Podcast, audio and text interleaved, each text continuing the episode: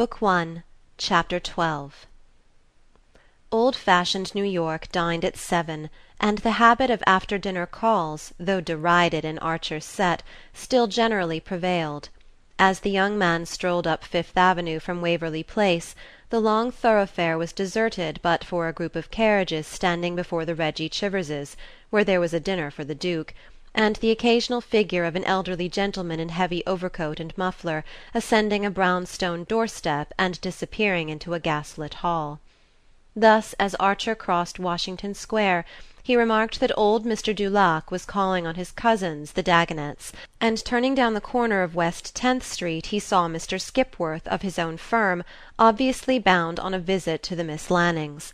A little farther up Fifth Avenue Beaufort appeared on his doorstep, darkly projected against a blaze of light, descended to his private brougham, and rolled away to a mysterious and probably unmentionable destination. It was not an opera night, and no one was giving a party, so that Beaufort's outing was undoubtedly of a clandestine nature. Archer connected it in his mind with a little house beyond Lexington Avenue in which beribboned window curtains and flower boxes had recently appeared and before whose newly painted door the canary coloured brougham of Miss Fanny Ring was frequently seen to wait. Beyond the small and slippery pyramid which composed Mrs. Archer's world lay the almost unmapped quarter inhabited by artists, musicians and "people who wrote." These scattered fragments of humanity had never shown any desire to be amalgamated with the social structure. In spite of odd ways they were said to be, for the most part, quite respectable, but they preferred to keep to themselves. Medora Manson, in her prosperous days, had inaugurated a literary salon but it had soon died out owing to the reluctance of the literary to frequent it.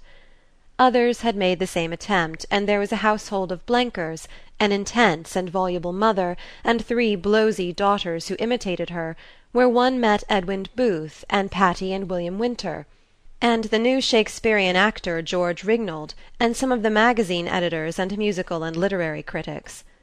Mrs. Archer and her group felt a certain timidity concerning these persons. They were odd, they were uncertain, they had things one didn't know about in the background of their lives and minds. Literature and art were deeply respected in the Archer set, and Mrs. Archer was always at pains to tell her children how much more agreeable and cultivated society had been when it included such figures as Washington Irving, Fitz Greene Halleck, and the poet of "The Culprit Fay." The most celebrated authors of that generation had been gentlemen. Perhaps the unknown persons who succeeded them had gentlemanly sentiments, but their origin, their appearance, their hair, their intimacy with the stage and the opera, made any old New York criterion inapplicable to them. "When I was a girl," Mrs. Archer used to say, "we knew everybody between the Battery and Canal Street, and only the people one knew had carriages. It was perfectly easy to place any one then; now one can't tell and I prefer not to try." Only old Catherine Mingott, with her absence of moral prejudices and almost parvenu indifference to the subtler distinctions, might have bridged the abyss; but she had never opened a book or looked at a picture, and cared for music only because it reminded her of gala nights at the Italien, in the days of her triumph at the Tuileries. Possibly Beaufort, who was her match in daring, would have succeeded in bringing about a fusion but his grand house and silk-stockinged footman were an obstacle to informal sociability. Moreover he was as illiterate as old Mrs. Mingott, and considered "fellows who wrote" as the mere paid purveyors of rich men's pleasures, and no one rich enough to influence his opinion had ever questioned it. Newland Archer had been aware of these things ever since he could remember, and had accepted them as part of the structure of his universe. He knew that there were societies where painters and poets and novelists and men of science and even great actors were as sought after as dukes; he had often pictured to himself what it would have been to live in the intimacy of drawing rooms dominated by the talk of Mérimée, whose Letters à un Inconnu was one of his inseparables, of Thackeray, Browning or William Morris; but such things were inconceivable in New York, and unsettling to think of. Archer knew most of the fellows who wrote, the musicians and the painters; he met them at the Century or at the little musical and theatrical clubs that were beginning to come into existence; He enjoyed them there, and was bored with them at the Blenkers', where they were mingled with fervid and dowdy women who passed them about like captured curiosities, and even after his most exciting talks with Ned Winsett he always came away with the feeling that if his world was small so was theirs, and that the only way to enlarge either was to reach a stage of manners where they would naturally merge. He was reminded of this by trying to picture the society in which the Countess Olenska had lived and suffered, and also, perhaps, tasted mysterious joys. He remembered with what amusement she had told him that her grandmother Mingott and the Wellands objected to her living in a Bohemian quarter given over to "people who wrote." It was not the peril but the poverty that her family disliked, but that shade escaped her, and she supposed they considered literature compromising. She herself had no fears of it, and the books scattered about her drawing room, a part of the house in which books were usually supposed to be out of place, though chiefly works of fiction, had whetted Archer's interest with such new names as those of Paul Bourget, Huysmans and the Goncourt brothers.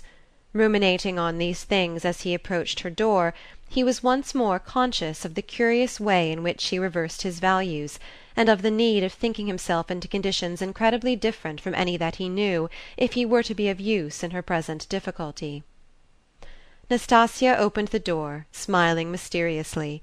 On the bench in the hall lay a sable lined overcoat, a folded opera hat of dull silk with a gold J. B. on the lining, and a white silk muffler. There was no mistaking the fact that these costly articles were the property of Julius Beaufort. Archer was angry so angry that he came near scribbling a word on his card and going away. Then he remembered that in writing to Madame Olenska he had been kept by excessive discretion from saying that he wished to see her privately. He had therefore no one but himself to blame if she had opened her doors to other visitors, and he entered the drawing room with the dogged determination to make Beaufort feel himself in the way and to outstay him. The banker stood leaning against the mantel shelf, which was draped with an old embroidery held in place by brass candelabra containing church candles of yellowish wax. He had thrust his chest out, supporting his shoulders against the mantel and resting his weight on one large patent leather foot.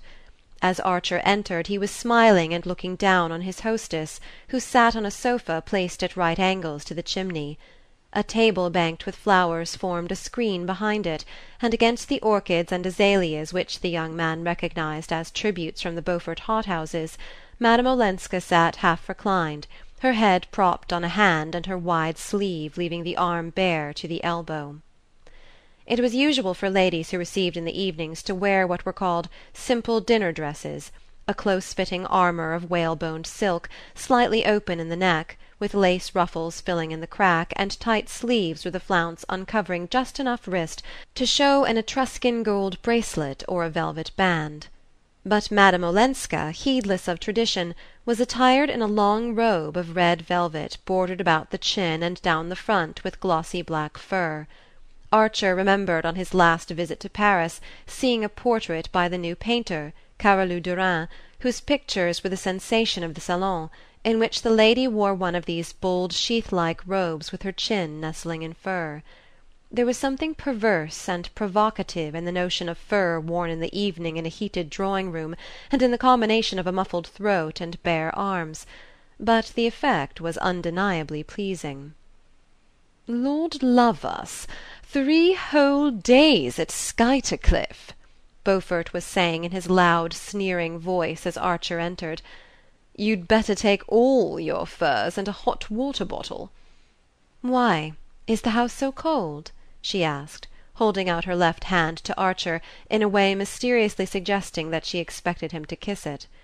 "No, but the missus is," said Beaufort, nodding carelessly to the young man. "But I thought her so kind. She came herself to invite me. Granny says I must certainly go." "Granny would, of course and I say it's a shame you're going to miss the little oyster supper I'd planned for you at Delmonico's next Sunday, with Campanini and Scalchi and a lot of jolly people." She looked doubtfully from the banker to Archer. "Ah, that does tempt me. Except the other evening at Mrs. Struthers's I've not met a single artist since I've been here." "What kind of artists? I know one or two painters, very good fellows, that I could bring you to see if you'd allow me," said Archer boldly. "Painters? Are there painters in New York?" asked Beaufort, in a tone implying that there could be none since he did not buy their pictures; and Madame Olenska said to Archer, with her grave smile: "That would be charming; but I was really thinking of dramatic artists, singers, actors, musicians. My husband's house was always full of them." She said the words "my husband" as if no sinister associations were connected with them, and in a tone that seemed almost to sigh over the lost delights of her married life. Archer looked at her perplexedly, wondering if it were lightness or dissimulation that enabled her to touch so easily on the past at the very moment when she was risking her reputation in order to break with it. "I do think," she went on, addressing both men, "that the imprévu adds to one's enjoyment. It's perhaps a mistake to see the same people every day." "It's confoundedly dull, anyhow. New York is dying of dulness," Beaufort grumbled and when I try to liven it up for you, you go back on me. Come, think better of it. Sunday is your last chance, for Campanini leaves next week for Baltimore and Philadelphia, and I've a private room and a Steinway, and they'll sing all night for me." "How delicious! May I think it over, and write to you to morrow morning?" She spoke amiably, yet with the least hint of dismissal in her voice.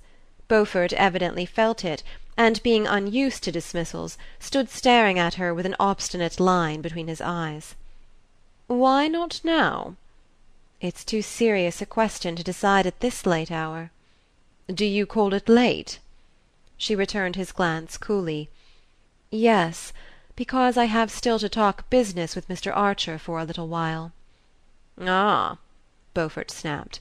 There was no appeal from her tone, and with a slight shrug he recovered his composure, took her hand, which he kissed with a practised air, and calling out from the threshold: "I say, Newland, if you could persuade the Countess to stop in town, of course you're included in the supper," left the room with his heavy important step.